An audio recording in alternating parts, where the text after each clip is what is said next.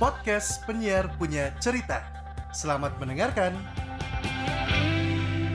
Ketemu lagi barengan sama Tubagus Akmal Mike Marshall. dan hari ini kita ada bintang tamu Alan Albana. Yeay. Penyiar punya cerita. Betul sekali. Dan ini sedikit ini dong, lu juga pakai ini. Oh iya, sedikit informasi aja Nah. buat sahabat Studiois. Ternyata Eh, Bapak Sama eh studio. sahabat Studiois. Kita lagi di RRI. Oh iya, maaf, Mau maaf. di asap sama Pro 2.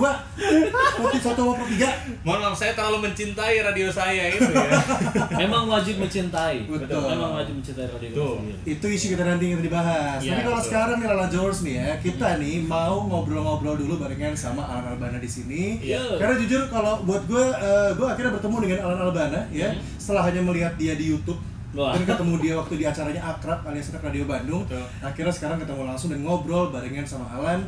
Kebetulan kita lagi ada di sebuah ruangan. Ini apa nih Lan ruangannya Lan? Ini dulu adalah ruangan siaran Pro 2 RRI Hmm. Bandung. Hmm, Pro 2. Waktu itu. Jadi memang waktu itu eh, terpisah gitu ya Oke. eh, si studionya dan ini adalah napak sejarah napak tilas para penyiar-penyiar kondang di Bandung yang mungkin sekarang udah warawiri. itu. Waduh. Termasuk Komeng sama Adul juga ya. Nah, Kenapa jadi komen sama Adul? Kan Warawiri. Oh, Warawiri beda. kan Komeng sama Adul. itu beda. Dia presenter bukan penyiar. Oh. beda ceritanya. Nggak, Oke. nggak, nggak ngalamin kayak kita kita. Sambil kita nanti akan eh, mungkin kita cari tahu siapa-siapa aja penyiar-penyiar yang dari Pro 2 dan pada akhirnya eh sorry Pro 2 School ya. Ya, Pro sebenarnya? 2 Nonsense School. Pro 2 Nonsense School sampai akhirnya sekarang sudah warawiri di eh, dunia peradioan saat ini. Kita ngobrol dulu barengan nama Alan dengan sejarahnya Alan sendiri akhirnya mengenal dunia radio dan mungkin nyemplung ke ya peradioan kasaran. Sekarang lah. Oke. Gimana? Ini paling paling paling eh, apa ya luar biasa banget. Kalau tadi eh, Kang Akmal bilang Hmm. lihat dulu di YouTube baru ketemu saya. Hmm. Kalau saya sebelum jadi penyiar radio, saya adalah dengerin tuh bagus Akmal Love is Cinta gitu ya. Jadi Ah, tua kan. jadi waktu itu kalau kalau misalnya ditanya, "Lan, penyiar idola lu tuh siapa?" gitu loh. Gue bilang tuh bagus Akmal. Waktu itu masih di radio sebelah. Masih Love is. Cinta. Love cinta, Love cinta. Eh, Love Cinta. yes. Itu tuh siaran curhat-curhat gitu. Iya, iya, gitu, iya. Jir suaranya ngenahin pisah. Akhirnya ketemu langsung. ya. Aduh, jadi kayak enak. Nah, tapi tapi bener, maksudnya gini gini. eh, cuman apa sih sebenarnya yang yang ngebuat ngebuat seorang Alan tuh maksudnya kepengen atau ya pengen jadi penyiar gitu? Karena kan iya, sorry ya maksudnya dunia kepenyiaran itu kan sesuatu yang enggak enggak akan jadi pikiran anak-anak SMA zaman old gitu loh. Ah, Untuk iya. oh gue mau jadi penyiar ah gedenya ah ya palingan kalau jadi nggak jadi penyiar kan berarti mereka pikirannya jadi presenter TV, Iya. jadi artis Hmm, gitu kan. Nah kalau buat Alan sendiri gimana ceritanya? Karena awalnya dulu gue adalah seorang pendengar radio. Hmm, Oke, hmm. tiap gue belajar, gue lagi galau, Hmm. itu pasti di meja belajar. Radio tuh on terus tiap Radio malam. on terus, Ha-ha. oke. Jadi kayak ngerasa ada temen, ngerasa ada yang nemenin, ngerasa ada yang ngertiin gitu ya. Oh. Cie, kesepian banget kelihatannya. Eh, tapi emang bener kan biasanya Iya. dulu juga sebenarnya radio itu bisa menjadi teman. Iya. Ya. Iya kan? Itu akhirnya terpintas dalam hati gitu. Kalau misalkan someday gua eh, apa suara gue yang harus banyak didengar orang. Oh. Jadi kayak, kayak kayak ngerasa suatu hari gue juga pengen dong nemenin orang-orang yang lagi yang sama juga gue rasain seperti itu. Nah, ini sih yang biasa jadi cikal bakal juga sih. Karena itu juga gue rasain dulu ketika zaman-zaman SMA eh, lulus SMA, maksudnya belum ada belum ada waktu, bukan belum ada waktu, maksudnya belum kuliahnya belum mulai Mhm. atau apa kan biasa ngegalau sambil nungguin waktu kan, Iya, dengerin iya. radio apa segala macam. Ya di situ juga momennya kayak pengen juga jadi penyiar gitu Mhm. loh. Tapi dari situ eh, waktu SMA udah ikutan announcing school atau announcer school atau apa gitu? Nah, Atau auto, otodidak bener-bener bahwa otodidak. waktu itu justru ada ada hal yang cukup ini jarang ada orang tahu gitu sih. Baru gue cerita sekarang. Nih, nih, nih, kita buka ceritanya Gini, gini. nih. Karena karena memang dari dari zaman zaman SMP ya, gue Hmm. sering dengerin radio. Hmm. Terus suatu hari gue pengen suara gue didengar banyak orang seperti Hmm. itu. Kedua, gue senang sharing Hmm. Oke. orangnya. Cuman waktu itu kan bingung siapa gue gitu kalau untuk Hmm. sharing. Kayaknya Hmm. kalau jadi penyiar radio enak gitu. Kita bisa share berbagai hal Oke. gitu. Itu tuh. Kemudian waktu itu sempat waktu SMP karena gue pengen jadi penyiar radio, Hmm. kita kayak bikin radio-radio bohongan gitu. Orang Oh. lain pada belajar nulis kan dulu Hah? eh, identik kalau misalkan SMP nulis gak banyak presentasi kayak Iya, sekarang kan. iya, iya, iya. Nulis berapa? Gua bikin sebuah radio versi eh, bareng sama geng gua sendiri. Waktu itu. Kayak gitu waktu itu. Jadi SMP teman-teman- itu? SMP teman-teman gue pada pada ngeliatin. Waktu SMP udah punya geng waktu itu ya. Udah udah nggak geng. Udah ngegeng ya. Cuma nggak sebutin geng apa namanya. Cuma mereka kayak nurut gitu. gue sekarang mau siaran. Iya, jadi kayak teman-teman gue pada pada ngikutin. Kalau itu seneng ngebodor juga Iya, gitu iya. kan. Waktu itu gue bikin The Cabul FM. Sorry. namanya The Cabul FM. Sabul FM. Kebayangkan omongannya apa ya? Oh, SMP. SMP zaman old bikin radio Iya, The namanya. Cabul FM. Mungkin Iya. cabul itu ada singkatannya Apa tuh kira-kira? Coba mungkin ada singkatannya cabul. Nggak ada memang topiknya adalah The Cabul.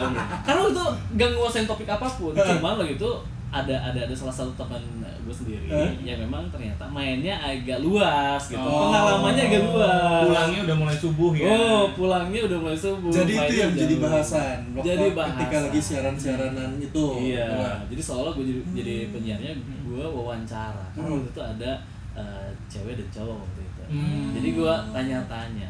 Emang biasanya kalau main sama om ngapain aja? Gue udah udah kayak gitu loh bahasanya. Jam- bahasanya udah Ntar lu SMP kelas berapa nih? Semua pertanyaan gue udah jadi ini.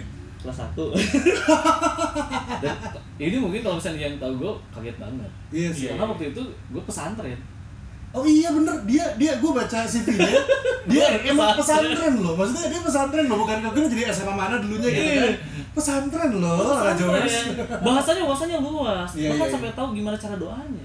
Woi, ini gitu. Ini menunjukkan bahwasanya seorang Alan Albana adalah tetap manusia Iya. yang penuh dengan dosa. ya. Oke, itu di zamannya dulu bikin radio-radioan, siaran-siaranan, Hmm. direkam, maksudnya direkam atau di apa tuh di di caranya dia mengudara atau caranya dia bukan mengudara sih ya, bukan mengudara juga kan? Nggak mengudara Kan- juga. kan Ya, radio- cuma radio- dia kelas aja di gitu. kelas itu cuma teman sekelas aja itu kayak semacam workshop gitu loh Oh. Kasarnya mah act- acting-actingan. acting actingan Iya, jadi iya, penyiar iya. radio Iya, iya, itu iya, waktu iya. SMP kayak gitu SMP dan bahasannya langsung eh, cabul. Dicabul ya. FM By the way kalau dilakuin zaman sekarang nih buat lo Jowers berarti lo sudah melakukan sebuah proses awal dari podcast sebenarnya. Iya. Karena lo gak pakai lagu kan di situ kan? Iya. Tanpa disadari. Tanpa disadari tuh udah udah melakukan sebuah proses dari podcast. Karena zaman dulu kan belum belum ya betul lah SMP tahun berapa sih? 2009. eh? 2000 iya 2009 2009 iya 2009 2010 lah ya. Lu Ya mas, udah kuliah ya. nggak usah ngomong kalau gue aja. Iya, maksudnya kan gue cuma memperjelas aja gitu. Ah, lu kalau sama sama dia nggak usah ngomong udah. Kalau bagian gue aja udah pasti gitu ya. Jangan saya juga maksudnya di situ lah momennya. Memang dulu juga belum zaman zamannya podcast dikenal sih tahun 2000 itu dari Betul, betul, belum betul. terlalu. Cuman lo sudah melakukan sudah melakukan proses itu gitu loh karena nggak ada nggak ada rekaman lagu, cuman ngomong doang, ada sesuatu yang dibahas itu sudah melakukan itu itu keren loh keren yang dibikin sama Alan dulu sama teman-temannya. Walaupun ya obrolannya jangan ditiru ya. Sebenarnya nggak apa-apa kalau mau didengarin, asal ambil yang positif. Nah, iya. pasti ada obrolan dari yang diobrolin itu Betul. positif ada kan? Betul. Justru memang pesannya adalah buat teman-teman gitu ya bahwa eh, main sama om itu nggak selalu identik dengan hal yang seperti Benar, itu. benar. Karena itu kan rame-rame gitu main sama om Benar, gitu kan benar. ya. Ternyata nggak nggak seperti itu juga. Ternyata di balik itu yang gua tangkap gitu ya Hmm, hmm. ada sebuah hal positif di situ di, di- dikasih sebuah pilihan. Kalau misalnya mau sekolah bener-bener eh, si om itu ngasih tahu aku biayai tapi Nah, bener sekolah bener. gitu. Omnya Karena- baik ya. Baik. Omnya baik. Karena yang namanya main sama om itu luas sekali maknanya. luas ada sekali. bisa main bowling, Hmm, ya kan? betul, Mungkin betul. juga bisa Pada zamannya ya main bowling ya. bowling, Biliar ya. Eh, bowling ya. bowling atau Eh, ya. sekedar karaoke Gitu. gitu kan. dan termasuk teman saya itu adalah eh, karena memang prihatin gitu waktu Mm. itu Oh. jadi dia memang gak punya Mm-mm. tapi punya semangat tinggi cantik Cantik dan tapi punya om kan. nah Iya. itu yang, yang ngasih sebuah pilihan dan dia milih untuk eh, disekolahin dan bener akhirnya kayak semacam diangkat jadi anak gitu Oh. intinya gitu ke sana jadi masih masih ingat nggak? Masih Iya. ingat namanya siapa? eh, saya nggak akan sebut Oh, Ya, kalau Tapi kalau masih ada ya? Masih ada kan? soalnya dia masih aktif di Instagram nih berarti masih ada. Cuma ini positif loh, maksudnya dalam artian eh, akhirnya dia diangkat anak Hmm. ya Hmm. dan akhirnya menjadi keluarga. Oh, Iya. Ya kan? Daripada Disekolahin. daripada angkat istri kan? Iya. Bingung. Angkat aja itu. Mungkin nanti bisa dikenalin temannya sama kita ya. Siapa tahu kita butuh anak. dia, Oke. dia, dia, dia sekarang udah punya anak Udah punya, Pak. Wah. Ya kita angkat mama. Oh. Iya. Oke, itu jadi Alan awalnya dari SMP dia sudah mulai coba-coba main radio-radioan gitu ya. Pas SMA.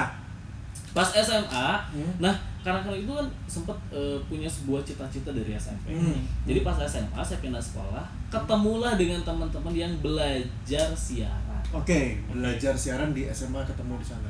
Pada saat itu eh, teman-temannya belajar siaran di mana maksudnya apakah di sekolah broadcasting atau memang ikutan kayak RRI Pro 2 non ini di sini. Oh, di Jadi sini? Oh. awal kenal saya RRI itu Hmm. saya dikenalin sama teman namanya Ica, ada juga Trias. Hmm. Jadi dua teman saya ini adalah dia yang belajar di Pro 2 Announcer School. Hmm. Jadi zaman dulu tuh namanya DJ School. DJ School. Oh iya iya. Tapi iya. banyak yang daftar yang tuh mau DJ gitu, disc jockey bukan di penyiar. salah pemahaman berarti Iya, salah salah pemahaman. Ini pertama juga gue waktu ikutan mau ikutan broadcasting ditawarin ada juga kan DJ Iya, juga nih. iya. Gue pikir gue kan nggak suka dugem, gue kan alim. Iya, iya, iya. Boro-boro dugem denger panci jatuh aja gue kaget.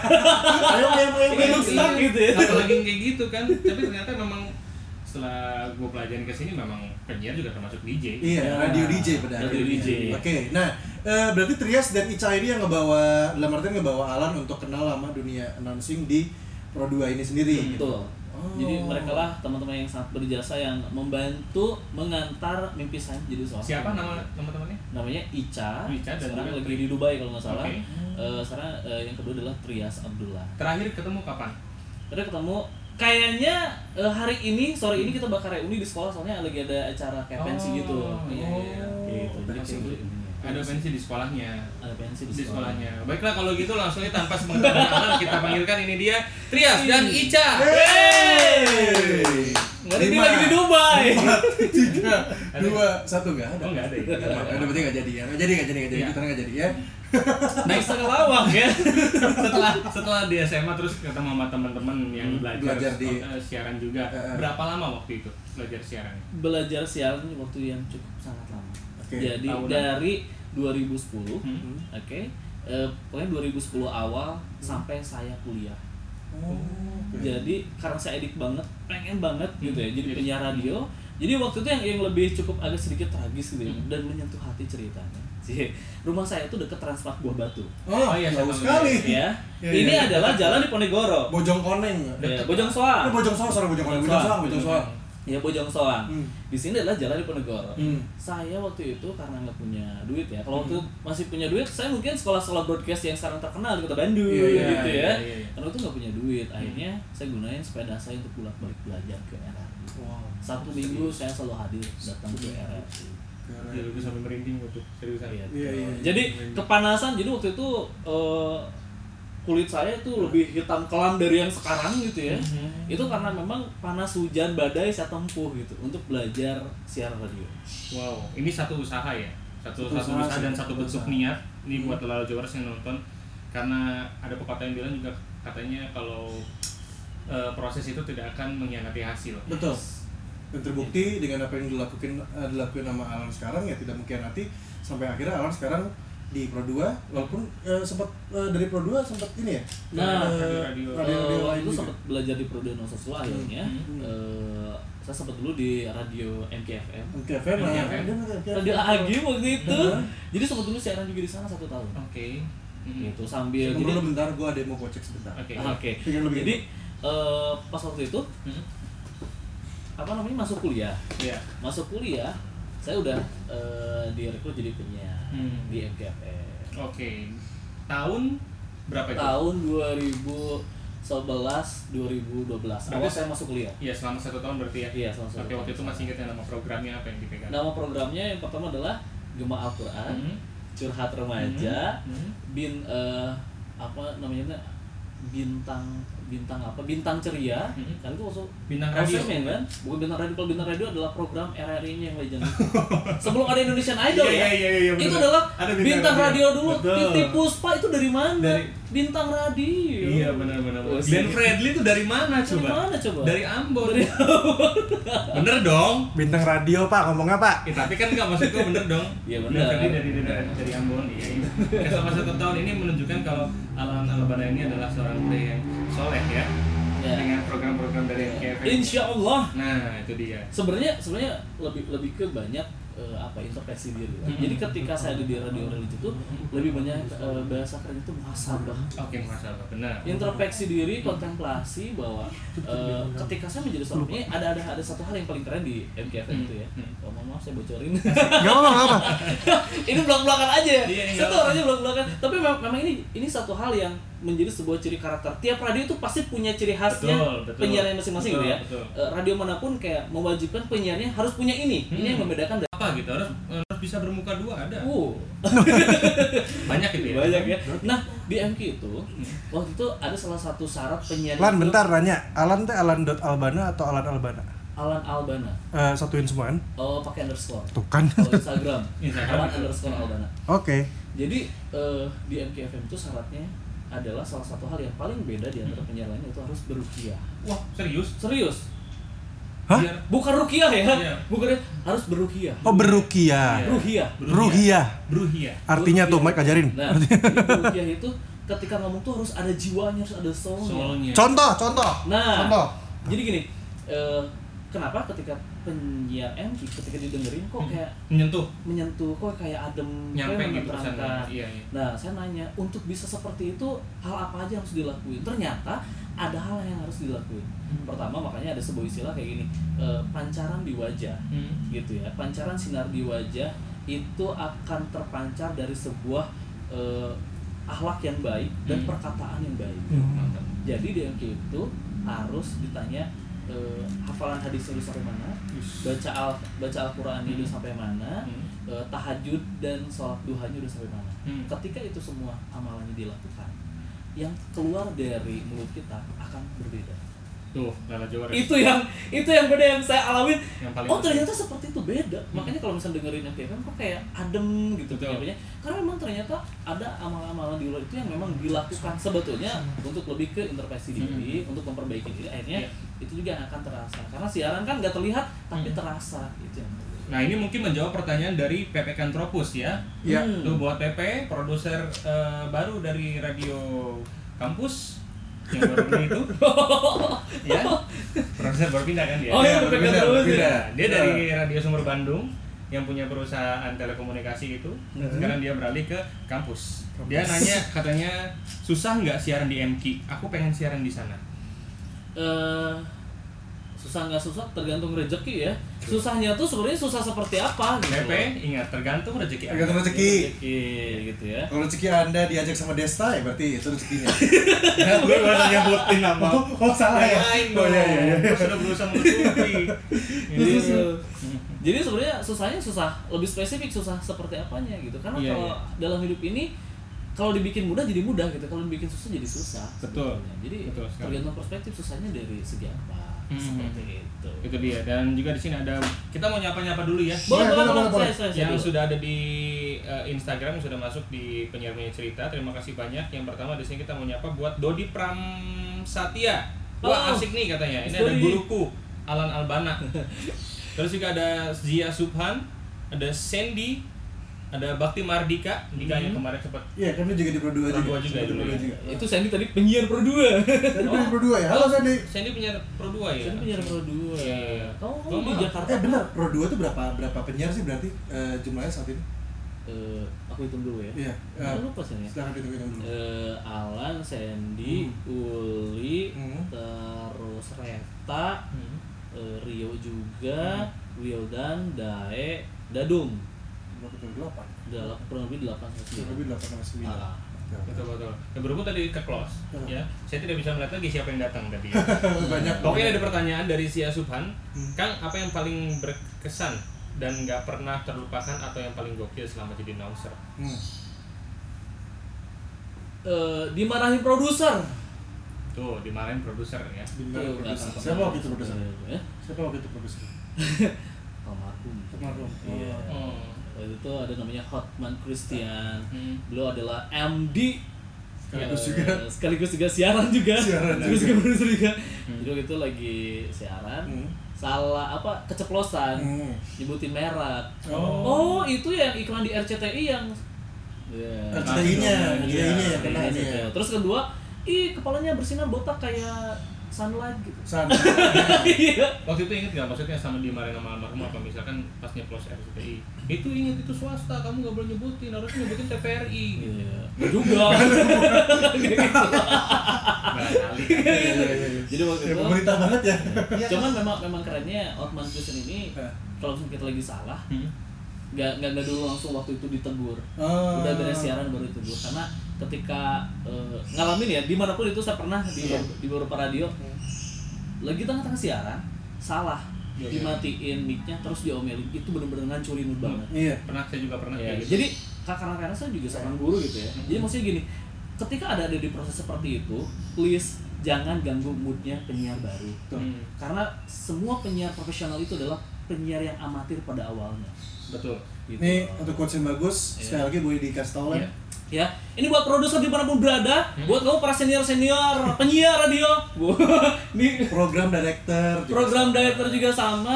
Kalau misalkan ada penyiar baru lagi training Iya. atau penyiar andalan lu yang selama ini lu eh, apa ya yang menghasilkan banyak duit gitu. dari situ Ah, gitu ya. betul. Please kalau salah tegur setelah beres siaran. Jangan lagi siaran atau tengah-tengah siaran. Itu ngancurin moodnya. oke seseorang. karena apa tadi Karena tadi penyiar- semua penyiar profesional itu adalah penyiar yang amatir pada awalnya. Yes, sudah akan kita jadikan quotes nanti ya. lu inget inget tuh Untuk di- ntar lupa gue. Ah, kemarin kalau cari videonya nggak Oh, iya. gitu jadi pas, waktu itu Hmm. yang kerennya apa adalah soal bersiaran dan lu tahu nggak etika di dunia siaran radio apa Hmm. nggak boleh nyebutin sebuah brand yang nggak ada kontrak Kerjasamanya. atau kerja sama sama Hmm. kayaknya gue ngerti Oh gitu sebenarnya di kita bebas ya Tapi gini, sebenarnya keren sih Almarhum Hotman ini menunjukkan kalau memang dia ke juga dengar kalau beberapa orang yang pernah di training sama Almarhum Hotman juga ini dia mereka banyak dapat ilmu yang bagus sama Iya. itu juga pernah bertemu dengan almarhum gitu kan zaman zamannya gue bikin Oriental Hmm. coba datang ke radio gue dulu gitu bawa CD banyak gitu kan. Nih nanti nih lagunya masukin ya puterin di osus segala macam udah zamannya gitu kan. Dan dia emang orangnya fun dan seru sih. Maksudnya seorang yang gue juga dulu kalau misalkan eh, beliau masih ada gitu ya PPC gue juga pengen banget buat ngobrol-ngobrol pengen tahu dengan segala eh, history di belakangnya seorang Hotman. Dan ini emang keren banget. Dan itu berarti dia eh, yang menjadi trainer lo juga Iya, satu itu. itu. Kemudian yang kedua adalah eh, Rio Aditya. Rio Aditya. Yang sekarang jadi MD juga. ya, alias Rio Kobe Rio Kobe. ah, si Rio Kobe Oh. Itu adalah eh, trainer pertama saya di dunia radio. oh oke Beliau keren banget tuh trainingnya. Iya.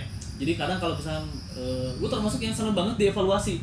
oh, dia, dia rajin evaluasi Nah, bagusnya beliau tuh kayak kalau misalnya mengevaluasi tuh kayak semacam orang itu kayak gak, gak tegaan gitu. gak tau ya, tapi tapi uh, lebih bijaknya seperti ini. Coba Alan rekam pakai handphone, Hmm. terus Alan dengerin sendiri kira-kira kurangnya apa, Ih, baru nanti dia tambahin. Benar. Oke. Jadi gue tuh bersyukur banget ketemu dengan orang-orang yang dengan sukarelawan gak pernah minta sepeser pun duit buat ngajarin gue jadi penyiar radio. hmm. Hmm. Rio Kobe. gitu. Nah, tuh, ini juga itu eh, salah satu pesan juga sih buat Lola Jowers yang lagi nonton ini dan mungkin juga di luar sana lagi belajar gitu ya soal dunia radio. Ketika lo bertemu dengan orang-orang seperti ini, ketika lo bertemu dengan orang-orang yang mau memberikan evaluasi, mau memberikan pengajaran, jadi manfaatkan gitu. Betul. Manfaatkannya positif di sini kan ya. Iya. Maksudnya bukan memanfaatkan negatif kan, Hmm. memanfaatkannya positif. Toh masih ada loh orang-orang yang mau dengerin lo siaran, mengevaluasi sampai mungkin ngasih masukan daripada dia hanya mendengarkan itu juga cuma sekilas mungkin ya Hmm, plannya betul. udah gitu cuma nyinyir. Nah itu kan yang gak enak sebenarnya Iya, kan? iya. cuman kayak lo lu nyalain kata siaran gue jelek. Jeleknya sebelah mana nih? Wah ya gue jelek aja. Nah, itu itu yang, yang, yang jadi menjadi sebuah catatan. Di mana pun kamu seorang broadcaster yang punya eh, juniornya atau mungkin ketika sharing, ketika salah, Hmm. coba jelaskan seperti apa salahnya, kemudian contohkan Contohin. yang mana yang benar. Nah. Jangan cuma bisa nyalahin tapi nggak bisa nyontohin. Karena menurut gue gini, ketika ketika seorang yang menegur Hmm. kesalahan orang lain tanpa mencontohkan yang baiknya seperti apa, itu jatuhnya bukan bukan em, apa ya, bukan evaluasi, iya tapi Hmm. lebih ke menjatuhkan. iya iya iya. Contoh nih, contoh misalkan ada orang salah nyebut call station. Hmm. terus eh, dibilang lu salah tuh nyebutin call stationnya, udah cuman sampai situ doang, tanpa jelasin Oh. harusnya lu kayak gini, Iya. jadi nggak ada solusi. betul sih betul. Karena ini sering eh, sering kali terjadi ya.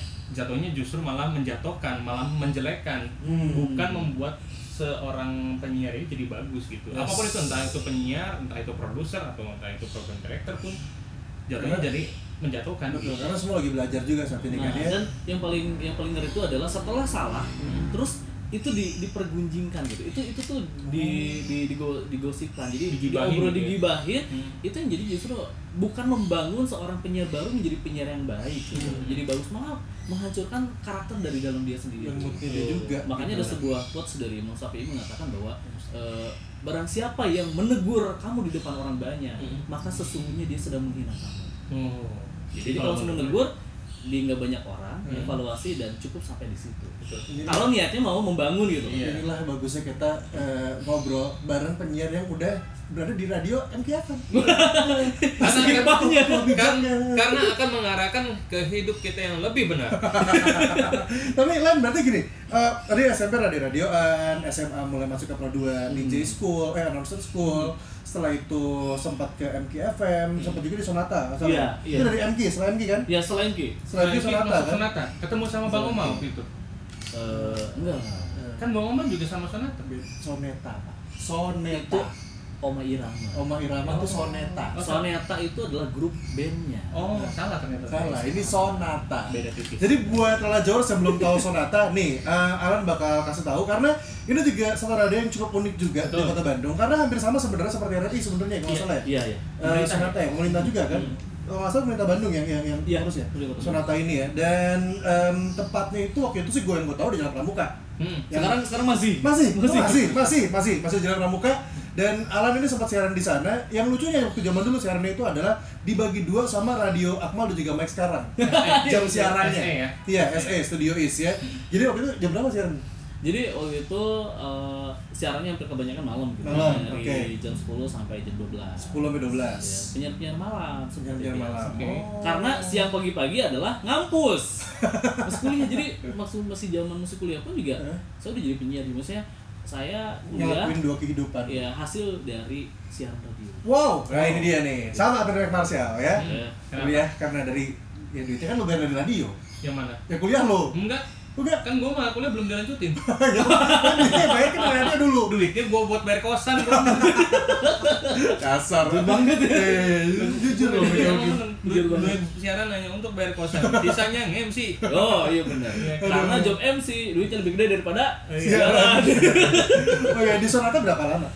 Di sana itu setelah satu tahun setengah. Satu tahun setengah lumayan ya, tapi ya. Satu tahun setengah. Dan itu ngambil malam berarti eh, waktu di MK kan jamnya nggak nggak malam eh. eh, Nah, kalau di MK justru eh, ambil kebanyakan juga dari maghrib ke malam. Maghrib ke malam. Ada juga kalau yang misalnya dari pagi-pagi Hmm. itu weekend, Oh. Sabtu Minggu. di Sonata tapi malamnya bukan lebih malam lagi ya? Di Sonata lebih malam lagi. Lebih Jadi malam setelah lagi. selesai dari MKFM, Hmm. saya pindah ke Radio Sonata itu. Oh bisa ya kayak gitu ya? Dari MKFM terus pindah langsung ke Sonata gitu? Bisa bisa. Bisa-bisa aja. Bapak juga dari hits kok bisa pindah ke Enggak maksudnya kan? itu di dengan kontrak yang sama pada saat itu jadi penyiar MKFM. Enggak, enggak beda. Justru Oh, setelah se- beres. Setelah beres selesai. Jadi waktu itu yang paling Oh. lucu adalah Hmm. eh, sebenarnya agak-agak sedikit tragis dan menyedihkan. Kenapa? Jadi karena mungkin eh, saya di- dididik di Pro 2 Radio Bandung, Ah. radio anak muda. Ah, ah, Ketika iya. masuk ke Radio MK itu adalah segmennya radio keluarga. Keluarga, kita Di mana masih kan? masih bisa lah, masih bisa lah dong. Nah, jadi kayak gini pas waktu karena baru awal banget kan, Hmm. junior banget, baru kenal dunia radio. Hmm. Di area 96 FM Radio Pro 2 Bandung di MK 107,9 MKFM Inspirasi Keluarga Indonesia. Si speednya dikurangin ya. Nah, itu yang paling banyak disiksa. Maksudnya diingetin Iya, iya, terus gitu. Enggak, tapi gimana sih? Terus, terus, lu bisa masuk ke MKFM dari RRD Pro 2 apa emang memang melamar atau memang lagi atau ada yang mengarahkan ke sana? Jadi dulu Nah. eh, selain juga belajar di Pro 2 Nusa School, saya belajar namanya MK Muda waktu itu. Oh, sama seperti ini juga. Sama seperti ini juga kebetulan di sana Hmm. karena eh, si produsernya di sana tertarik juga saya jadi co-host di sebuah acara di sana. Hmm. Tertariklah waktu itu. Akhirnya dipanggil lah. Itu pun dia sebenarnya eh, saya ikutan juga sekolah broadcast di sana. Ya. Cuman pas lagi audisi nggak kepilih Kenapa? karena nggak masuk kriterianya. Oh kurang kelihatan soalnya. Karena dia pernah ketahuan bikin radio cabul. Ingat itu itu rahasia yang cuma baru sekarang nih Oh, baru- bocorin loh. Oh, dibocorin. Buat Oh, berarti cerita. nggak tahu berarti kamu ini ya. kita mungkin tidak tahu tapi yang maha kuasa tahu. Itu jelas. Dibisikin. Itu jawaban. Ingat masa lalu tidak akan pernah bisa dihapus. Kayak jejak digital gitu ya. Masalah jadi kagak ada digital zaman dulu. Jadi pas waktu itu Hmm. eh, akhirnya karena kan di sana saingan maksudnya Hmm. penyiar-penyiar baru tuh terus dipacu untuk terus jadi lebih baik. Jadi Iya. kayak punya semacam eh, rapot gitu. Hmm. Yang lebih bagus naik gaji. Hmm. Oh, bagus ya itu ya rapotnya. yang kurang terus Hah? jadwal siaran dikurangin sampai Oh, habis Berarti gajinya juga tetap tapi eh, tetap aja kalau jam siaran berkurang. Jam siaran dikurangin sampai iya, habis. termasuk saya yang pas ke sana kok eh, kemarin-kemarin saya udah tinggal dua lagi gitu jadwal siarannya. Akhirnya ketika ketika hampir mau satu tahun itu pas ke sana lagi kok nggak ada jadwal dua gitu ya. Oh berarti ini satu bentuk pengusiran yang secara halus. secara halus. Tiba-tiba lan dipanggil katanya sama eh, sama produsernya. Eh, oh iya saya datang. Tiba-tiba ngobrol di sana. Gue udah udah curiga kan udah Iya, tahu iya. gitu ya wah nih udah saatnya gue berakhir gitu. Hmm. akhirnya ngejelasin. Cuma waktu itu sempat down juga. Oh. kayak semacam gila men beberapa tahun gue belajar siaran tapi ternyata gagal Hmm, gue secara tidak langsung diberhentikan Oke. karena ya waktu itu karena maaf katanya suara Alan dan karakter Alan Nggak masuk. tidak suami. masuk eh, tidak masuk kriteria di sana Iya. akhirnya saya sempat down bahwa kayaknya gue nggak cocok ya jadi penyiar radio Oh, lu sempat mikir kayak gitu? sempat mau berhenti gitu sempat ada ada di ujung kayak Nyerah. gue nyerah karena memang dampaknya dari karena gue waktu itu basicnya adalah anak pesantren gitu ya ketika masuk MKFM tuh nama gue cukup juga melejit di berbagai pesantren gitu ini job-job pesantren itu eh, sempat keliling pesantren Jadi karena sebenarnya sedihnya gara-gara memang lu nggak bisa jadi penyiar lagi atau gara-gara job lu bakal menghilang? nggak juga sih karena gue yakin bahwa rezeki seseorang itu tidak akan pernah tertukar Ini dia ya. gitu loh Nggak percuma pesantren berapa lama? Dari SD. 9 tahun Tahun ya. Dari SD. Dari Selalu menyikapi apa yang terjadi SMP. dalam hidup Iya. dengan positif. iya kan segala sesuatu pasti ada ada sebuah hikmahnya gitu Seru ya, akhirnya gue sempat sempat berpikir bahwa gue gagal kali ya jadi penyiar Hmm. gue nggak cocok kali ya jadi penyiar radio sempat down waktu itu akhirnya eh, sekitar satu bulan gue berhenti gitu saya nggak nggak Vakum lah ya. ya vakum lah gue sedikit trauma gitu untuk menyentuh dunia dunia broadcasting Hmm. akhirnya waktu itu eh Rio Kobe ini Iya, Kobe. yang kontak lagi lah gimana dia filosofi kayak udah beres. Hmm. yuk ke sini lagi aja yuk belajar Oke. Nanti di sini lagi lah gue disemangatin gitu Di hari ini ya. di hari inilah ketemu waktu itu sama Abot Gunawan dia Ah, sekarang Abot. penyiar Pro eh, satu. Pro satu Terus satu. gue sempat cerita ke Abot buat apakah gue selesai gitu nggak apa namanya nggak nggak punya kompeten jadi penyiar radio Abot selalu bilang bahwa siapa tahu lah lu salah masuk radio Hmm. Iya. lu nggak cocok di radio tapi bisa aja cocok di radio yang lain. Iya. Benar. Karena radio waktu- banyak kan. Karena lu banyak. Waktu itu akhirnya abot ini lah yang lu belajar lagi lah. Gue punya guru di radio Sonata. Oh, Itu oke. Jadi diarahkan ke sana. diarahkan ke sana. Ada namanya Kang Jabar. Saya nggak akan pernah lupa. Kang Jabar. Jabar ini lah yang waktu itu saya temuin di radio Sonata dan saya belajar sama beliau. Kang Jabar dari Radio Sonata. Dia cukup eh, legend juga di radio Sonata. Iya, iya. Gitu. Kayak pernah. Gue pernah dengar. Gue juga pernah dengar kok Kang Jabar. Kayak pernah ketemu juga deh. Karena gini, gue pernah eh, ada satu momen atau acara waktu itu bareng sama DJ Ari bikin acara di Pramuka itu barengan sama Radio Sonata. Hmm. Jadi kayaknya ketemu, cuman mungkin eh, Sekilas ya? Sekilas. Dan gue juga lupa lupa ingat itu. Ingat kalau ketemu orangnya mungkin ingat, cuman nam- namanya aja ya gue Ah, suka iya, lupa iya, gitu iya. kan. Oke oke, jadi Kang Jabar itulah yang yang pada akhirnya ngebawa eh, eh maksudnya mengajarkan seorang Alan di Sonata Iya. sekaligus juga di sana sonat di Sonata satu setengah tahun berarti ya. Ya, jadi pas ketemu sama Kang Jabar itu dilatih lagi. Hmm. Lu vokal tuh udah gini loh, ini gini di, diajarin lagi vokal buat nyanyi, Teknik. buat teknik itu itu berbagai macam di sana. Akhirnya waktu itu eh, Sonata butuh penyiar. Hmm. Jadi waktu itu tesnya banyak, Hmm. sampai satu setengah tahun itu saya di Sonata ngerjain lima pekerjaan sama satu orang itu saya. Hah? Lima pekerjaan. Maksudnya? lima pekerjaan kayak misalkan pertama udah siaran udah jelas ya Hmm. saya siaran waktu itu saya sempat ada namanya siaran keliling Hmm. bareng sama PKK Kota Bandung waktu itu programnya Hmm, hmm, hmm. jadi keliling tour sekolah-sekolah bareng sama Ibu Atalia Ridwan Kamil Oh. saya MC-nya pertama Oh. keliling Oke. gitu waktu itu eh, promosi gerakan pungut sampah Hmm. pertama launching waktu Oke. itu di salah satu SMP bareng sama Ridwan Kamil saya MC-nya Oh. jadi saya juga yang turun yang kedua adalah saya bagian produksi. Yang nge-record semua segala siaran, yang ngedit semua, Hmm. itu saya juga. Oh. Gila. yang ngangkatin speaker ketika turun dari open Iya. saya juga Itu keempat. Yang terakhir. itu terakhir adalah bagian administrasi jadwal-jadwal siaran itu Eh, gaji juga jangan-jangan gaji juga jangan-jangan nih. ya itu Atau yang atau yang atau yang ngatur yang nih kok nih Iya. dibayar segini. Nah, jadi yang yang eh, merekapitulasi semua gaji-gaji penyiar berapa jamnya adalah saya yang nanti Nah, memasukkan apa PD misalnya. jadi SM mau nggak jadi SM gua ya mau- cuman dari dari tadi yang diceritakan sama Alan, gue cuma mau nanya satu hal. Apakah Sonata memang benar-benar mempercayai kalau Alan itu multi talented atau bisa multitasking gitu ya? Atau yang kedua memang tidak ada budget? Eh, boleh di, sini boleh sombong nggak sih? Pertama, Hmm. eh, karena mungkin di beberapa bagian ada orang yang memang belum paham mengenai hal itu. Iya. Saya dididik di belajar di Pro 2 Announcer di area itu diajarin semuanya. Semuanya. Akhirnya saya bisa ngelakuin semuanya. Hmm. Satu itu. Hmm. Yang kedua, saya juga sedikit banyak paham karena memang saya kuliah jurusan komunikasi. Oh. Jadi sedikit banyak saya ngulik gimana bikin jingle, gimana bikin iklan radio, gimana ngedit untuk di waktu itu masih pakai software Adobe Audition Iya, ya. iya. Ngulik itu. Jadi Hmm. itu bisa karena saya edik banget saya pengen jadi penyiar radio tuh yang yang Yang cuma paham. bisa siaran, Tapi paham. tapi soal- paham semuanya. Hmm. Oke. Gitu. Akhirnya bisa dan rekap dataku juga karena waktu itu dipercayai oleh salah satu kepala dinasnya. Hmm. Akhirnya saya ada tanggung jawab untuk merekapitulasi itu. Oke, jadi benar-benar karena kualitas ya. Itu Kualitas. Oke, dan sekarang kita um, Ntar, pertanyaan lebih nggak lama Iya. ya? Sebentar, karena kita masih, ini kan eh, ada isu juga kan kita angkat Betul. kan? Terus juga kita bahas. Tapi sejauh ini berarti dari Sonata akhirnya sekarang di era di Pro 2 itu juga diajak lagi sama Rio. Ya, jadi waktu itu sempat di PJTV dulu. Oh, pada PJTV dulu. PJTV dulu Oke. de, de menjadi PJTV. news anchor News juga. anchor PJTV, News oke. anchor jadi presenter juga. Hmm. Nah setelah satu tahun di PJTV, sama juga satu tahun di PJTV, waktu itu ada sebuah acara namanya eh, IBX Indonesian Broadcasting Expo yang pertama kali diadakan di Bandung waktu itu. Trans Studio Mall. Trans Studio. Mall. Iya. Waktu itu tahu. saya sebenarnya malas ya, jadi Hmm. kayak cukup gua pengen jadi penyiar aja udah cukup. Tapi Rio Kobe ini selalu selalu ngejelasin, "Lan, jangan punya cita-cita hanya sekedar jadi penyiar radio, terlalu gampang buat lu." Oke. Hmm. Kenapa nggak jadi presenter TV?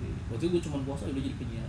Ini nih calon saya nih, gitu ya. Hmm. Udah cobain aja, cobain aja, cobain aja lomba presenter. Wah ogah, gue udah jadi penyiar sih, bilang Iya, iya, gitu iya. ya. Akhirnya waktu itu sempat eh, ikutan lomba si eh, lomba presenter SCTV. Oh, oke. Saya kebagian masih ingat nomor 60 dan itu adalah nomor terakhir yang ditutup. Oke. Mbak saya mau ikutan, udah nggak bisa. Ya mau nggak apa-apa ya, saya dipaksa pacar saya.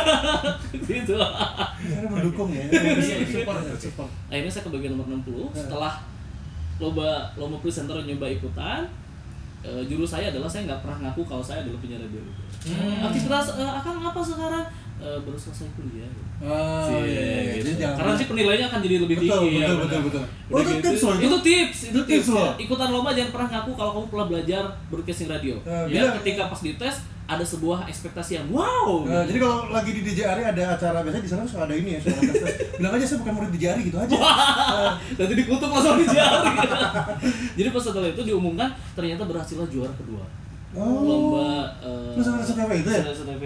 Juara satunya ingat nggak siapa? juara satunya ada pokoknya wajahnya kayak mirip Ariel loh itu Mukanya mirip Ariel. mukanya mirip Ariel dia anak Kensen, Kensen. anak Vicom siapa gitu lah pokoknya Kensen. Kensen. Nah, Kensen DJ.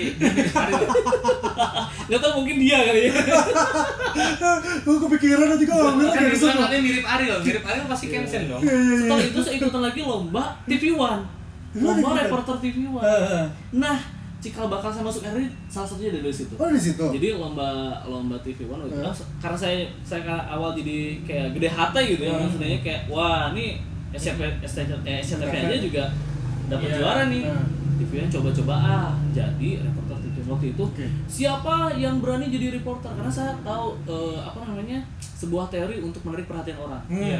waktu itu saya lepas ke meja saya putar-putar saya dari belakang kan otomatis dia lihat kan Notice jadi. iya itu kelihatan Mm-mm. nah Yang yang yang berani buka ke meja Ya, ya. Padahal dia nggak pakai daleman. Pakai lah. Terus tadi, Oh lupa. terus tadi ke satpam. Iya. Baru waktu itu akhirnya saya dipanggil ke depan. Hmm. Karena waktu itu kan saya udah punya basic broadcast Iya, dari iya. RRI dari Iya. Perdana School Hmm. waktu itu. Akhirnya saya lomba besar, akhirnya dapet lah. Waktu itu juara ke satu. Wow. Hadiahnya ingat nggak berapa? Tadinya saya, saya masih ingat beberapa goodie bag dari TV One. Hmm. Dan yang terakhir adalah uang 500 ribu yang waktu itu saya sempat eh, ngomong dulu kayak kayak aku bilang beb kalau saya dapat eh, duit dari sini uangnya mau saya bayarin hutang karena itu saya nganjuk handphone. Oh. Pertama kali Xiaomi turun ke Indonesia Hmm. ya Redmi One S itu saya nganjuk duit itu ke Rio Kobe lagi. Jadi tapi buat saya- Rio Kobe Anda sangat-sangat eh, berpengaruh ya. Berjasa ya, Berjasa. berjasa. karena karena kenapa gini saya bilang ini kalau saya juara di sini Beb, saya bilang gitu ya duitnya mau saya bayarin hutang Hmm. karena saya punya hutang yang harus memang wajib dibayar gitu Iya, iya, iya, iya. akhirnya Allah mengabulkan itu gitu saya juara dapat Lima ratus ribu 500.000. langsung dikasih semua. langsung dikasih semua Sama goodie bag goodie bagnya. sama bag goodie bagnya dong pada saat waktu itu tuh yang paling menarik adalah atasan-atasan RRI Eh. karena waktu itu punya booth paling depan Oh iya, Hmm. iya, iya. ya dia Iya. punya punya studio, stu- studio mini waktu Iya, itu iya. iya. Atasan-atasan RRI khususnya atasan Pro 2 namanya Bu Cucu waktu itu ada di situ dan dia merhatikan saya Oh, dia dari situ. Lihat langsung. ini bukannya anak school itu ya alam-alam itu ya di situ saya di note Oh, Oke, jadi dari situ sebenarnya awal kembali lagi ke RRI tapi secara profesional sekarang Iya. ini di sini. Wow, emang emang emang ini ya, ini ini, ini serunya ngedengerin cerita dari kehidupannya seorang Alan Bana ya, eh Alan George ya. Dari awalnya sempat mau menyerah dunia siaran Hmm, sampai akhirnya ada yang menantang. Ibaratnya kalau menurut gue sih kalau punya pacar kayak sekarang ini ya eh, date yang itu ya itu eh, bentuk tantangan-tantangannya mem- membangun loh maksudnya Iya. positif loh pada akhirnya dia bisa jadi juara dua untuk lomba presentasi TV juara satu untuk lomba TV One walaupun gue yakin harapannya bukan cuma sekedar uang doang tapi kapan dipanggil TV One gitu. iya benar iya kan kasih ada yang lebih besar daripada itu harapannya. apa tuh Kapan saya dipinang? eh tapi emang bentar lagi itu- Bentar lagi. itu Oh, oh, itu. gitu. Oh, iya, iya, Tapi iya. kan akhirnya alhamdulillah kan di cuma cuma kalau, kalau kalau dia ngomong gitu ya Hmm. itu selalu nggak pernah ada sebuah pujian gitu kalau misalnya lagi siaran kok bosannya siarannya kok jeleknya siarannya dia tuh gitu ada dia ngomong eh kamu kamu di sini gimana ini enggak nggak suka di sini aku bukan orang radio oh waduh tapi tapi pacarnya anak radio radio Mungkin karena ini kali karena eh, calonnya tahu Iya, iya. kalau sebuah pujian itu terkadang menjadi bumerang buat Ya. kita. Betul, betul, Iya betul, kan? betul, betul. Semakin sering kita dipuji, Semakin kita lupa sering- diri, gitu. Nah, itu dia. Malah justru kalau gue sih lebih senang untuk di lu culekin terus gitu supaya gue jadi motivasi. Oh, Berarti iya. gue harus jadi lebih baik terus gitu. itu pesan berarti ya kalau Iya. jadi pasangan yang kayak gitu Ya, ya cari yang selalu support. Selalu support. Dikit-dikit curigai. Kadang ada yang. Dicemburuin. Apalagi ya, WhatsApp dicekin dicek terus ya. Hotel dicek. dibajak Iya, dibajak. niat banget emang Wah, WhatsApp ya itu WhatsApp di cloning oke berarti sampai saat ini sudah berapa tahun ya dari 2010 berarti lan eh 2012 pertama jadi penyiar 12 sampai beneran. sekarang berarti udah 7 tahun Alan di dunia radio dan sekarang saya siaran di Pro 2 jam berapa ya siarannya? Eh, kalau misalkan hari Senin sampai eh, Rabu Hmm. dari subuh gitu ya Hmm. dari jam 5 subuh sampai jam 9 pagi Hmm. kalau Sabtu Minggu itu dari eh, jam 7 malam sampai jam 12 malam Jam 7 malam sampai jam 12 malam. Iya. Kaget kan? 7, 8, 9, 10, 11, 12, 5 jam siaran. iya lah Oh, lama ya. penyiar RRI itu dididik untuk siap tahan banting dalam situasi kondisi apa pun gitu Jadi Bapak tahu ada radio anak muda di kota Bandung ini yang punya jam yang sama penyiar Bukan jam yang sama, Mak. lebih malah. Tapi juga sama jamnya. Radio apa? Kemarin dia juga gitu. Kemarin gue tanya, lu siaran jam berapa lan? Jam 1 sampai jam 8 malam. Begitu 7 jam dia siaran. Oh, 7 jam siaran. Gak tau pernah pernah pernah. iya 7 jam. 7 jam dia siaran. Wow. 7 jam loh. Lola George ada ada Iya tahu, radio Iya. keriting itu kan. ada keriting itu. yang penyiar cuma satu itu. Iya. Dia jam. siaran 6 jam kan? Ini siaran 7 jam loh. Eh, dan 8 jam mungkin ada sekali sekalian. Mohon maaf, gua siaran A- apalagi kalau ada special event itu lebih parah lagi Kenapa sih? misalnya gini eh, aku jadwal siaran dari subuh ya Iya. jam li- jam 5 sampai jam 6 itu cuma siaran eh, Hmm. musik aja Hmm. gitu ya dari jam 6 sampai jam 9 karena yang lainnya kan kantor Hmm. dari jam 12 saya harus tugas lagi jadi moderator untuk acara Pro 1 waktu itu Hmm. itu berangkat jam 12 siang sampai jam 4 jam 4 harus bawain siaran Ramadan Hmm. sampai maghrib dari maghrib pas pulang ke sini jam 8 sampai jam 12 itu siaran lagi untuk RRI Live Music yang RRI radio show-nya itu Benar, ini waktu Nah, nih. ini nih sebenarnya Malah nih. lagi. Ini yang akhirnya bisa masuk ke isu kita dan kenapa akhirnya gue memilih isu ini buat seorang uh, Alan Albana adalah karena pada akhirnya gini, banyak kejadian sekarang orang-orang memilih siaran, eh sorry, orang terjun ke dunia radio, dia siaran, dia menjadi seorang penyiar, tapi jatuhnya uh, yang awalnya dia mencintai dan memang suka dengan dunia Hmm. kepenyiaran itu, tapi akhirnya menjadi sekedar kewajiban yang harus dibereskan Hmm. jadinya siaran dia nggak dieksplor, siaran dia gitu lagi gitu lagi, Mm-mm. terus tiba-tiba dia merasa eh, sempat ada seorang curhat sama gue dan dia bilang kayak eh, mungkin dia belum tahu bahasanya ya tapi gue udah pernah tahu bahasa dari Mosidik dulu Eh, titik jenuh Iya. Hmm. jadi kan setiap sebenarnya setiap orang ngalamin ketika lo kerja atau ketika lo jadi anak kantoran jadi karyawan atau mungkin lo berada di sebuah eh, perusahaan ada yang namanya titik jenuh di mana kayak lo tuh bosen gitu dengan Iya. segala aktivitas aktivitas yang sama nah gue sih yakin Alan pasti sudah pernah mengalami itu ataupun melewati itu apalagi di Prodo berarti udah berapa lama nih? Eh, Eh, saya dari diangkat jadi pegawai itu dari tahun 2015. 15, 4 tahun. 4 tahun berarti. 4 tahun, 4 tahun itu untuk waktu Pro 2 yang kalau menurut gua ini sangat-sangat eh, ketat gitu ya. Eh, jam siaran ataupun mungkin harus beraktivitas yang lain. Ini berarti kan ada lah momen-momen di mana seorang alam tuh kayak "Hah, kapan ya libur? Kapan ya refresh? Gitu ya. Iya. pernah gak sih? Eh, pernah pernah ada ada momen di mana saya ngerasa kalau kalau saya lebih lebih gini ya memahaminya bahwa eh, ketika ada ada saya merasakan sebuah kejenuhan Hmm. gitu ya dalam siaran ngalamin ngalamin banget Ngalamin pasti. kok gue kayak siaran gini-gini aja ya kok gue hanya hanya sekedar menuntaskan kewajiban gue sebagai Hmm. seorang penyiar gue harus siaran yang cuman kayak ngasih info bla bla bla Udah, kayak pengen berasa pengen cepet selesai Hmm. nonton YouTube lah Ya, gitu ya ya, ya. kalau kalau agak-agak males kan lagunya agak tambahin dikit ya dibanyakin Aku banyakin lagu tiga jadi lima gitu ya biasanya kayak gitu tuh penyiar-penyiar tuh Oke, tapi ke- ketika itu karena memang eh, saya punya sebuah motivasi yang sangat yang jadi sebuah prinsip dalam hidup saya. Ketika saya mulai bosan menjalani suatu aktivitas, Hmm. pertanda ada sebuah hal yang harus saya pelajari lagi. Oke. Gitu Kang Akmal. Jadi kalau misalnya saya udah jenuh, kayaknya saya harus punya guru baru deh. Kayaknya harus saya dapetin ilmu baru deh dari Hmm. siaran. Hmm. Kayaknya harus nemuin orang baru deh. Itu Hmm. prinsip yang yang saya terus pegang sampai saat ini Hmm. ketika udah mulai bosan siaran saya harus banyak ketemu orang agar saya lebih banyak bersyukur gitu. Kalau enggak saya dapat inspirasi lebih banyak lagi. Ini ini ini bagus pesannya sih. Jadi dalam artian begini bukan berarti ketika Lala Jowers ataupun di sini juga teman-teman dari dunia siaran dunia penyiar kita nggak mengajarkan. Kita juga kita hanya pernah melewati fase yang sama Betul, kita pernah punya pengalaman yang sama mau itu Akmal Alan ataupun Mike karena kita sudah mengalami mungkin lebih dari dua tahun tiga tahun siaran ya. Betul. karena ini yang gue dicurhatin aja nih baru setahun mungkin setahun setengah kali dia siaran tapi Iya. dia sudah merasakan kayak bentuknya semacam rutinitas yang harus menuntaskan kewajiban Harus- aja kewajiban Padahal sebenarnya banyak yang bisa dieksplor gitu, banyak yang bisa dicari dari dunia siaran. Karena gue selalu bilang gini, eh, siaran tengah malam itu menyenangkan loh, ya kan? Siaran tengah malam itu menyenangkan loh. Satu, eh, yang dalam artian eh, senior atau mungkin guru-guru kita tidak seluruhnya mendengarkan. Hmm. Iya kan? Iya, betul Aku tidur juga gitu kan? antisipasi di telepon tengah siaran Nah, itu sangat-sangat minim gitu loh. Iya. Terus kalaupun di malam hari itu pendengar tuh sebenarnya lebih dekat dengan penyiar. Iya. Karena kalau di malam nih, karena gue ngerasain di Love Cinta ya, maksudnya gue ngerasain di malam sampai dengan tengah malam itu pendengar tuh seperti lebih dekat dengan kita dibandingin pagi, siang, dan juga sore. Hmm. Ya, pasti lo ngalamin. Nih, Alan soalnya disebut juga sebagai master cinta nih. Waduh. Sama Nadia di Arcamani. padahal ini gurunya saya tuh terinspirasi dari beliau Jadi eh, malam itu lebih dekat si pendengar dan di situ waktu buat explore sebenarnya. Kita kenal dengan pendengar seperti apa. Mungkin juga kita pengen coba-coba di siang-siang kita nggak ngebolehin muter lagu dan ditabrakin atau mungkin kita bisa ngebahas sesuatu di malam hari kita bisa ngelakuin itu. itu yang yang saya rasain juga itu betul karena waktu itu saya dengerin Kang Akmal siaran Hmm. di Love Cinta itu Hmm. gitu ya jadi kayak memang waktu itu juga merasakan jadi jadi seorang pendengar ini kunci seorang penyiar Nah. adalah wajib memposisikan diri sebagai seorang pendengar saya lagi santai lagi tiduran lagi lebaran kayak denger penyiar tuh kayak enak banget di malam hari itu Hmm. kayak di Dina bobokan tapi tapi jangan sampai di awal baru siaran udah langsung pada tidur Jangan, jangan justru itu yang dihindarin sebenarnya kalau siang malam dan tengah malam itu tuh itu.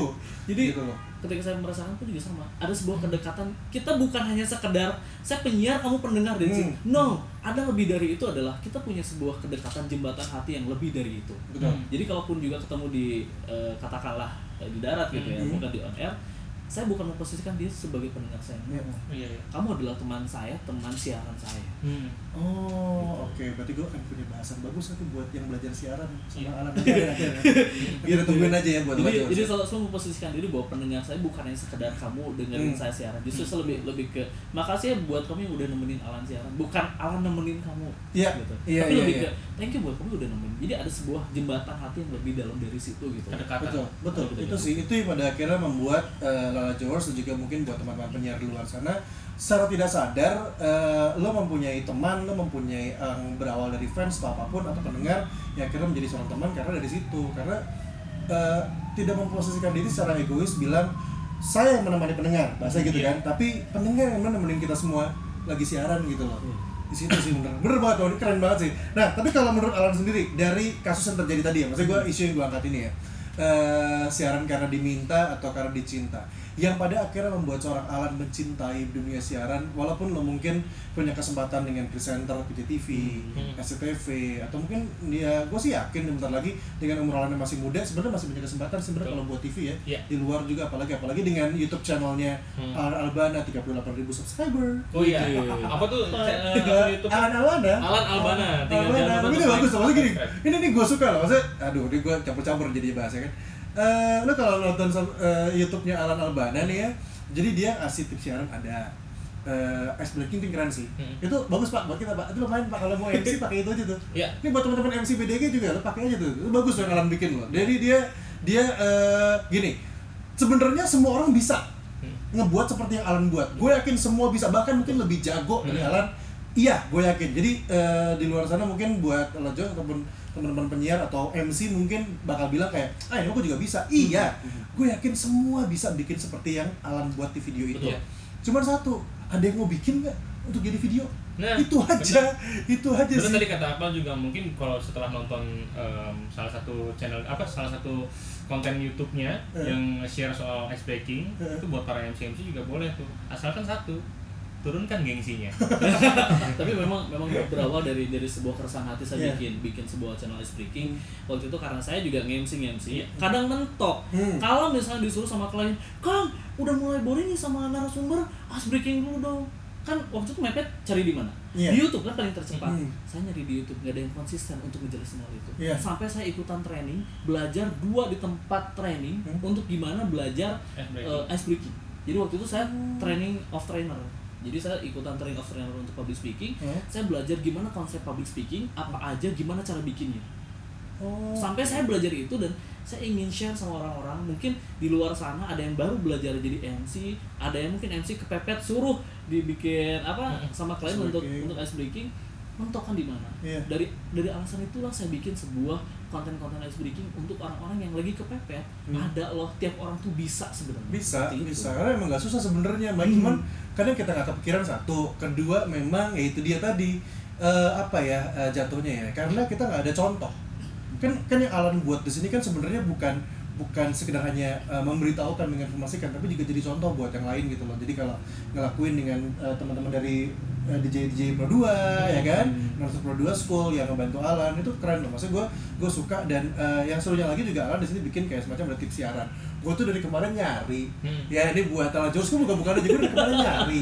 Cara ngajarin suara diafragma. Gue kan bisa emang kan? Hmm. cuma kan kalau ngajarin di jari kan nggak bisa kan? Gue cuma Iya. ngasih tau gue punya power begini suara gue begini begini. Itu ngajarin ada caranya. Yang pakai suara apa namanya ditahan bayangkan Iya. nahan di di apa namanya di ulu hati dan segala macam itu. Itu tuh itu bagus loh. Itu itu juga juga jadi sebagai contoh loh buat uh, Lala Jawers kalau mencari apa ya uh, buat belajar siaran belajar public speaking belajar tadi MC dengan ada ice breaking Iya. silakan di sana di channelnya Alan Albana nah tapi emang lu karena cinta dengan ini semua maksudnya uh, sejauh mana sih si cintanya itu dengan dunia kepenyiaran ini sendiri kalau buat seorang Alan dulu gue sebagai pendengar radio pas waktu saat SMP Hmm. gue pernah eh, sampai nunjuk radionya gitu gue lihat Hmm. satu hari gue yang bakal banyak didengar orang banyak. Radio gue tuh pasti. Cukup udah. Belum tahu belum tentu kan dia tidak menyebut- menyebutkan nama radio Iya. ada satu radio yang waktu, waktu, sama waktu, itu masih dengar zaman zaman dulu ya Iya. CBL oh radio CBL waktu itu udah anak muda salah Hmm. radio pak karena karena waktu itu belum dengerin oh Oh iya iya iya iya iya iya. iya. Tapi CBL banyak lahirin penyiar-penyiar bagus. Benar, benar. Abi Aditya, Abi Aditya, ya kan. Eh, dia juga Dia juga juga CBL. Rian Timothy juga si BL. Iya. CBL jadi waktu itu Kenapa kok bisa sampai mengeluarkan statement itu? Maksudnya sampai berpikiran suatu saat gue yang bakal lebih banyak didengerin. Ya, Karena tadi prinsip gue adalah sebagai penyiar radio adalah sel- selalu memposisikan diri gue sebagai seorang Hmm. pendengar radio. Hmm, hmm. Karena gue ngerasain kalau gue ditemenin sama penyiar radio sama radio, gue tenang gitu, gue seneng. Iya. Enggak maksud gue, Gitu. kenapa pada saat itu lu eh, nunjuk CBL? Apakah ada Eh, kesalahan se- tersendiri? Sebenarnya enggak sih, le- lebih lebih ke parts waktu itu konteksnya karena gue lagi dengerin CBL. Oh gitu ya. Kalau pada saat itu lagi dengerin eh, Zora atau dengerin apa mungkin itu yang tersebut. Iya, Ya, itu ya Kak. mungkin itu yang tersebut di sini. Iya, Jadi iya. waktu itu gue gue cuma cuma bilang bahwa suatu hari gue yang akan didengar banyak orang Oh. karena gue seneng sharing kayak gue bisa kayak seneng kalau gue punya suatu ilmu Hmm. punya suatu paradigma yang lain gitu ya yang mungkin bisa disaringkan ke orang lain itu akan bermanfaat buat orang banyak betul betul, betul. berarti tadi kalau kita eh, berpacu dalam bukan dong Baca Maksudnya, apa? kita lihat judul judul PPC kita hari Iya. ini judul penyiar penyiar cerita kita hari ini itu apa judulnya Siaran karena diminta atau karena dicinta? nah sekarang kita tanyain dan minta jawaban langsung to the point siaran karena diminta atau dicinta karena dicinta karena itulah sampai saya bertahan sampai saat ini Mantap. Dan sekarang kita akan masuk ke pertanyaan dan juga komentar yang udah masuk di penyiar-penyiar cerita dari Oh. kemarin ya. karena waktunya bentar lagi ya sekitar Iya. 26 menit lagi 26 menit lagi. Tapi enam ini menit. Keren loh, saya mengucapkan terima kasih banyak buat yang udah nonton Ada abon punya, punya cerita ya. Ini bertahan loh dari tadi ya Iya, viewernya. Alhamdulillah sih maksudnya Iya, iya. yang yang penting gini eh, poinnya adalah eh, nanti Alan juga katanya rencananya juga akan bikin live juga maksudnya juga akan ada rencana buat live livean juga Mhm. maksudnya dalam artinya adalah yang penting poinnya adalah ada berbagi aja karena juga cuma satu cuma dua juga masalah yang penting kan kita eh, simpen kita share lagi Iya, nanti orang punya kesempatan buat nonton buat kenal lagi sama satu lagi paling yang nanti juga akan kita bawa juga Alan adalah kayaknya buat penyiar penyiar kampus seru baik ya Iya, kita boleh. ajak Alan nih nanti ya Boleh, buat boleh. Wow, kampus itu. Bandung ya Oke, dan ini langsung aja ya, karena Boleh. waktu sisa 6 menit lagi. Coba di sini nyapa dulu ada Indi Nura, terus juga ada Merinda Melianti, ada Ocha Olia, ada Bentar 259. Kenapa namanya Bentar? Cepet-cepet nih. Haikal, Kak Alan mulai terjun ke dunia broadcast umur berapa? Sama susah nggak pertama kali siaran? umur berapa dulu? Berapa? Dulu umur berapa ya? 2009. Dulu 9 SMA. SMA tuh 16 tahun kayaknya. 16 tahun. 16 16 tahun Haikal Ya, mau sebelum akhir balik. Sama susah nggak 17 pertama kali siaran? Eh, Pertama kali siaran susah nggak? susah. Susah ya. Pertama kali siaran blank. Blank. Pertama siaran bego mau ngomong apa gitu, Iya. bingung. Padahal kayaknya tuh kalau ngedengerin orang siaran tuh kayak wah Wah gampang. Jadi penyiar tuh gampang, tinggal modal ngomong aja. Ya kali udah nyobain. Next ada Novita Maulida Rayani ini ya kemarin ya. Aku dulu malah diajak nikah sama MD, cuma aku tolak karena umurku masih pi. Kata kenapa jadi anda curhat? ya. Terus ada Dian Intan, halo, ada Ocha katanya kalian bagaimana caranya ingin bertemu Alan?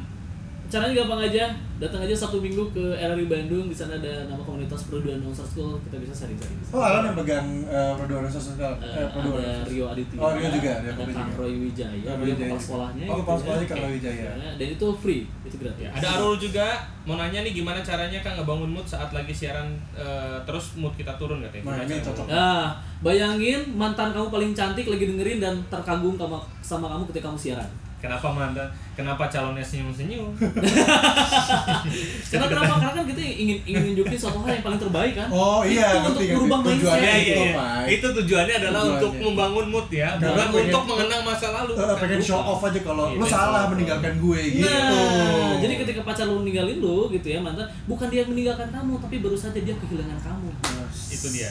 Ada mana nih? Novita bilang aku cerdas banget sih ke Alan katanya. Salah satu pencerahan aku sempat nonton YouTube pas bertahun-tahun aku gantung mic katanya dari eh, radio Rudista di Ciamis katanya dan dapat Oh, tawaran bisa. MC cari referensi MC dari YouTube dan nemu katanya dari Oh, referensinya Alan. Dicek aja ya uh, Alan Albana, cara aja Alan Albana. ada Haryadi Utomo juga terima kasih Oh, banyak hmm. terus ada Wisnu juga ada Nauti siapa Nauti itu Mile Indi Nura bilang makasih ke Akmal, ke Alan dan ke Mike untuk ilmu siaran radio katanya Eh, dan broadcastingnya walaupun aku nggak jadi penyiar ilmunya sangat bermanfaat dan ilmu broadcast itu ke mana-mana Oh ini eh, salah satu member School, Tadi ya. juga Ocha Aulia adalah dia dulu sempat eh, masuk juga di Perduan Hmm. Perduan Monster School dan dia jadi penyiar radio Sonata waktu itu. Oke. baik oke sisa tiga menit lagi kita akan Oke. bacain aja dulu sedikit ya Mhm. Ya. sama dua menit ini Komentar. komentar dari di Instagram kita sempat share di feeds kita Ah, Oke.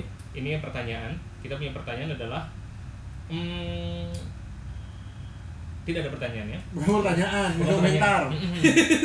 Komentar. ya Gue bingung. maaf Eh, handphone saya lemot kenapa menjadi lemot Itu ini itu, saya? itu masih muter gitu. masih muter ini ya ya silakan anda ngobrol dulu Ya, ya tapi, tapi, tapi gini sih, gini sih, gak apa. Kalau kita nggak bisa, Nggak bisa komentar juga ngejawab gitu. ya. Cuma gini, eh, mungkin eh eh, tiga menit ya berarti ya. dua menit Dua menit lagi. Udah, terakhir dari Alan Albana gini, terakhir dari Alan Albana adalah ada pesan gak sih buat buat followers di luar sana yang eh, sedang belajar siaran ataupun pengen menjadi seorang penyiar? Silakan. Oke. Pesannya adalah siapa eh, siapa pun kamu di sana gitu ya pengen jadi seorang penyiar menjadi seorang MC menjadi seorang broadcaster atau apa pun itu bahwa kita semua dikasih sebuah modal yang sama ya. Mata dua bibir alhamdulillah masih bisa eh, diberikan kelancaran berbicara tangan dua kaki dua. Semua orang diberikan jatah yang sama. Pertanyaannya adalah kamu mau atau enggak untuk memanfaatkan itu? Satu hal yang perlu dipahami bahwa semua penyiar terkenal itu semua penyiar handal itu adalah penyiar yang buruk pada awalnya. Seorang yang profesional itu adalah seseorang yang amatir pada masanya kita nggak ujuk-ujuk jadi bagus semua mengalami setiap proses dan saya termasuk orang yang mengalami proses itu bahwa proses nggak akan pernah mengkhianati hasil itu dia Betul. cukup dia aja ya. mengkhianati kamu prosesnya proses jangan Terima kasih sudah mendengarkan dan follow kita di Instagram @penyiar punya cerita.